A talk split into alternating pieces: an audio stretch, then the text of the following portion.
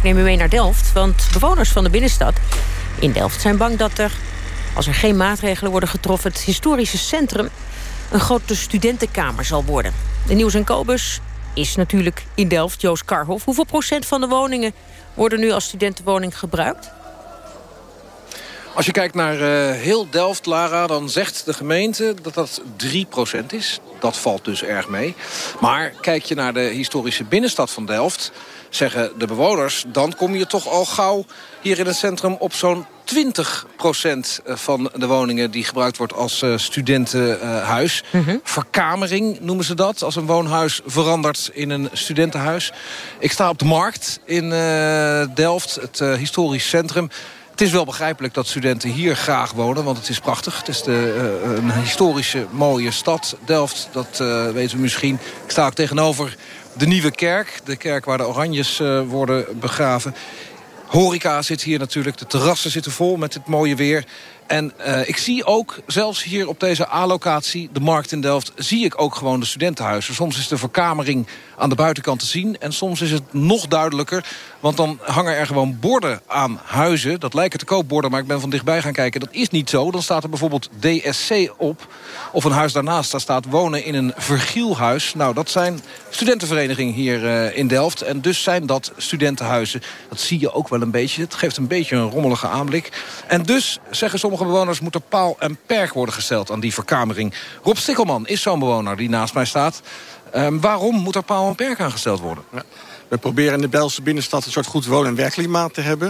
En dat lukt altijd. We merken de laatste tijd dat het, uh, ja, het aantal woningen... wat bewoond wordt voor studenten echt sterk toeneemt. Het heeft natuurlijk te maken met de huizenmarkt. is heel begrijpelijk vanuit uh, de mensen die het huis kopen... te opdelen in uh, studentenwoningen. Maar het heeft natuurlijk ook nadelen en dat is meer overlast. Wat voor overlast? Je moet denken aan uh, muziek. Je moet denken aan uh, mensen die op andere tijden wakker zijn... dan dat de bewoners wakker zijn. S'nachts dus? S'nachts dus, ja.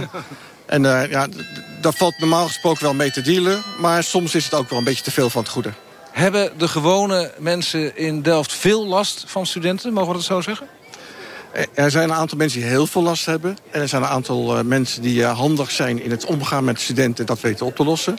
Maar soms lukt het ook niet. En er zijn ja, echt mensen die, waarvan ik weet dat ze uit Delft vertrokken zijn wegens de overlast. En dat is toch wel een beetje minder. Ja. Wat wilt u eraan doen?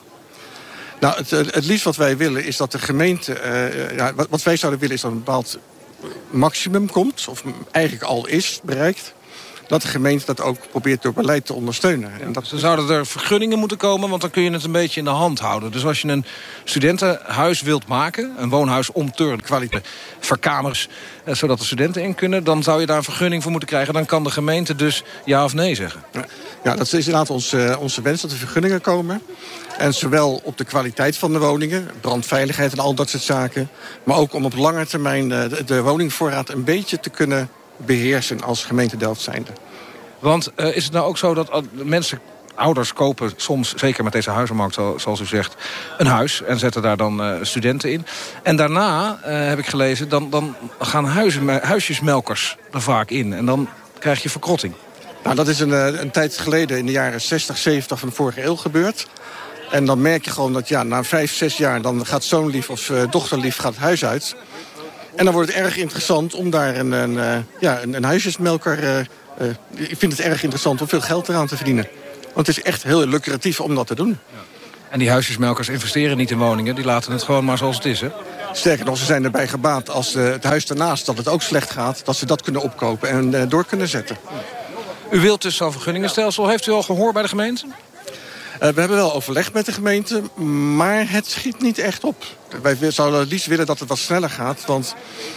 We zijn nu ongeveer anderhalf jaar bezig... nadat de Raad een keertje een, uh, ja, een bemoedigend woord heeft gesproken naar BMW toe. Het schiet maar niet op.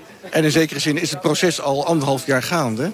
En het zijn, we praten al over tientallen huizen die verkocht zijn en omgebouwd zijn. Ja, en in andere steden gebeurt het wel. Bijvoorbeeld in Amsterdam en Utrecht. Er worden quota bepaald of er worden uh, vergunningen verleend. Gebeurt het hier uh, wat moeizamer, zoals u zegt? Bent er anderhalf jaar bezig. Omdat er hier ook studenten vertegenwoordigd zijn in de politiek. STIP, studenten in politiek. Nou, dat zou best wel een goede en grote rol kunnen spelen. Want zij hebben natuurlijk belang erbij dat het, er geen vergunningen zijn. Dat het, dat allemaal makkelijk kan, om zo maar te zeggen. En ja, ik, weet, ik, ken niet, ik kan niet achter de deurtjes kijken, maar het zou best wel zijn rol kunnen spelen. Nou, we hebben ons in ieder geval wel door de uh, gemeente Delft laten vertellen... dat het een uh, onderwerp is en dat de gemeenteraad uh, er nog over gaat spreken. Maar aan de andere kant, ja, wat zou eigenlijk... dat gaan we zo meteen ook vragen, studenten tegen een vergunning kunnen hebben? Want die vergunning kun je natuurlijk ook krijgen. Dat is bij de vergunning. Het is niet per se nee. Nee, ik denk dat het nou, voor een vergunning is gewoon... dan kan je de kwaliteit van, de, van het huis kan je in de gaten houden. Maar wat ik ook zei, ook de lange termijn inzet. En ik weet van Utrecht dat een vergunning vijf jaar geldig is... En, ja, en daarna moet eigenlijk het huis weer terug de normale woonmarkt op. En dat vind ik eigenlijk een goede regel om die huisjesmelkers tegen te gaan. Dank u wel, Rob Stikkelman. Eh, we praten zometeen uh, verder. Zoals ik zei, uh, Lara, dan horen we ook de visie van de studenten. Wat die ervan vinden als er straks een vergunning nodig is... om een studentenhuis te beginnen. Ben benieuwd wat dat zal worden bij jou daar in Delft. We horen het Nieuws en Kopers is in Delft. Uh, bewoners van het centrum van deze studentenstad... die vrezen dat het historische centrum onleefbaar wordt. Want er komen steeds meer studentenkamers in de binnenstad. Zo valt ze op. Joost Karhoff, hebben de studenten begrip... voor de bezwaren van bewoners van de binnenstad? Dat ga ik zo meteen vragen, Lara. Want we hebben hier een aantal studenten nu in de bus. Naast Rob Stikkelman, die is voorzitter van de Belangenvereniging... De Oude en Nieuwe Delft en Binnenstand Noord. Die heeft net in uh, het vorige stukje, half uurtje geleden... de bezwaren inderdaad even geschetst. De verhouding is een beetje zoekend. Er worden meer en meer studentenhuizen ten opzichte van de gewone woonhuizen. Dat zorgt voor overlast. En na verloop van tijd kunnen die studenten ook weer overgaan naar huisjesmelkers. En dat kan dan weer leiden tot verkrotting. In de bus ook uh, nu Martijn Heufke-Kantelaar. Hij is vicevoorzitter van VSSD. Dat is de Vereniging voor Studie- en Studentenbelangen in Delft. De vakbond, zullen we maar zeggen. Martijn, we gaan gewoon je zeggen. Um, prima. Wat is het bezwaar tegen een vergunning zoals uh, uh, Rob Stikkelman wil? Ja, wat wij als vakbond vinden is dat we ja, eigenlijk een, een, vergunning een te zware maatregel is. want eigenlijk vinden we dat elke student ja, zou moeten kunnen wonen waar hij wil. En uh, ja, daarnaast dat het uh, ja, de kern van het uh, probleem niet aanpakt. Um, en dat zelfs kan leiden tot illegale verhuur. Maar waarom pakt het ja. dan de kern van het probleem niet aan? Nou ja, kijk, er zijn, zijn klachten over overlast. En een omzettingsvergunning, dat, um, ja, dat, dat, pakt dat probleem niet, niet direct aan. Hm. wij, zetten, wij zien meer een oplossing in directe communicatie. Um, en daar zouden wij eigenlijk als, uh, als vakbond op willen inzetten. Rob Stikkelman, ja. je moet gewoon praten met de studenten... en niet uh, vragen om een vergunning. Ja, uh, dat hebben we al gedaan. We hebben ook al overlegavonden gehad met de studenten. Er zijn natuurlijk twee dingen. Dat is het, ja, de, de, de, het aantal studenten en het individuele geval per studentenhuis op zich. Mm -hmm. En ik ben het mee eens dat je dat moet proberen te regelen. Maar we zien gewoon dat het heel veel, heel veel studentenhuizen worden. En dus toch liever die vergunning? En toch liever de vergunning, om daar dat een beetje een controlemechanisme op te hebben. Ja. Janieke Simons, studenten, ja. uh, ook in de bus. En je woont in een studentenhuis, hè? Ja, dat klopt. Wat is het voor huis? Met hoeveel mensen woon je daar? Uh, we wonen met z'n achten, maar we hebben ook onder- en bovenburen. En dat zijn ook studenten. Dus in totaal een stuk of twintig. En uh, buren die geen studenten zijn? Ja, aan allebei de kanten. Aan allebei de kanten, oké. Okay. Ja. En hoe is dan de verhouding met die buren? Um, ja, ik heb aan de ene kant Nederlands bijles gegeven aan de kinderen van de, van de ene buren. Dus daar eigenlijk vanaf het moment dat zij daar kwamen wonen... afgelopen jaar eigenlijk vrij goed contact mee gehad. Uh, en de buren aan de andere kant... ja, dat is inmiddels ook... Uh, ja, goed, uh, goed gaan. We hebben inmiddels, inmiddels goed gegaan, ja, moet je klopt. zeggen. We ja. hebben wel, uh, ja, is alweer een paar maanden geleden... een brief gekregen... waarin een aantal klachten waren vanuit de buurman. Aha. Wat voor klachten? Ja, geluidsoverlast eigenlijk met name. We hebben... we hadden een keer een feestje en toen waren de ramen stonden open... Uh, en het was in de zomer, dus... Hadden jullie een keer een feestje of heel vaak een feestje? Een keer een feestje. ja, moet ook gewoon gestudeerd worden. Ja, precies. Um, en hij had met name last van het geluid, uh, omdat hij dan ook zijn raam open had. En ja, dan gaat dat meteen door. Dus hij had ons een brief gestuurd. En daar hebben we met een brief op gereageerd, uh, de situatie uitgelegd. En gezegd dat we er zeker op gaan letten. En het zoveel mogelijk proberen te minimaliseren. Hm. We hebben ook onze telefoonnummers onderaan de brief geschreven. Van elke verdieping iemand, zodat wij altijd bereikbaar zijn. Dus mocht er nogmaals ergens in de toekomst uh, last zijn van ons geluid, uh, geluidsproductie... Ja. dat er dan meteen direct met ons contact kan worden gezocht... zodat we meteen iets aan kunnen doen. aan de bel trekken. Martijn van de Studentenvakbond, uh, heb je begrip voor bezwaren van mensen... die gewoon in een huis wonen, misschien wel een behoorlijk duur huis... en dan komt er naast je een studentenhuis. Je zult het maar hebben. Uh, ja, natuurlijk. Kijk... Um er, er, zijn, er wordt overlast ervaren door, uh, uh, door die bewoners. Um, want ja, kijk, er komen studenten wonen. Um, en Ehm, kijk, wij hebben niet precies uh, een beeld als vakbond... hoeveel overlast er wordt veroorzaakt door Maar we horen net een voorbeeld van overlast. Ja, maar goed, we zien ook dat, dat communicatie daarin de sleutel was om het op te lossen. En ja, dat is ook eigenlijk wat wij, wat wij als, als vakbond zouden willen uh, zouden willen uitdragen om ja, vooral te communiceren met, uh, met de omgeving, met de buurt. Ja. Rob ja. is het aan de andere kant niet hartstikke leuk om in een studentenstad te wonen? Want ik neem aan dat je niet toevallig hier woont. Je woont hier omdat je Delft leuk vindt. Sterker nog, de meeste bewoners die zijn studenten geweest. Ja. Dus die, die weten het verhaal ook van de andere kant. En ik denk dat ook... Uh, het is een balans die je zoekt. En de, de studenten moeten er ook wonen. Er is geen twijfel over, maar het is inderdaad de verhouding... die je, als, je, als dat te ver doorslaat, dan, uh, dan ben je het evenwicht kwijt. Maar wat is dan precies te ver doorslaan? Uh, nou, uh, er zijn voorbeelden, en het gaat altijd, er zijn natuurlijk voorbeelden van dat het goed gaat. Een voorbeeld er zijn huizen die, die, ja, die helemaal omgeven zijn door studentenpanden. Die mensen vertrekken ook. Hm. dat huis wordt weer een studentenpand.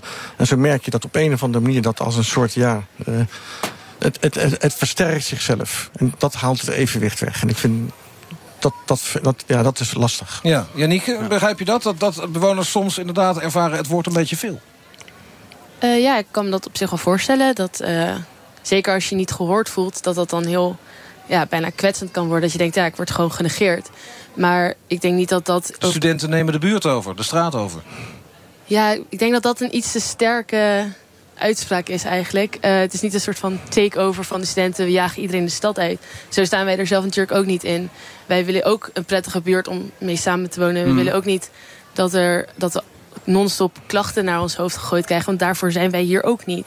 Um, we hebben juist iets van, ja, als we elkaar zo kunnen helpen... Um, is het alleen maar goed. Is dat niet vaak zo, als ik dit ook hoor van uh, uh, Janieke, uh, Rob Stikkelman... dat hm. studenten vaak best wel van goede wil zijn, zoals je hoort? Ik, ik denk dat de meeste van goede wil zijn. Het, en er zijn gewoon een paar voorbeelden waarbij het heel erg uit de hand gelopen is. Nou, en en dat, dat gaat natuurlijk heel veel aandacht krijgen. Maar ik denk dat de meeste van goede wil zijn. Dus dat is heel het probleem niet. Het is... Het zijn de excessen vaak die het, die het heel vervelend maken.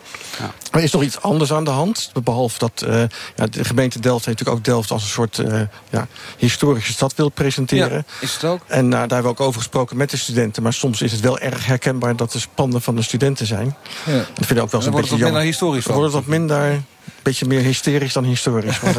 Martijn, wat is nou eigenlijk aan de andere kant het probleem van zo'n vergunning? Want dan heb je nog steeds die studentenkamers en die verkamering. Alleen Zit er een vergunning voor?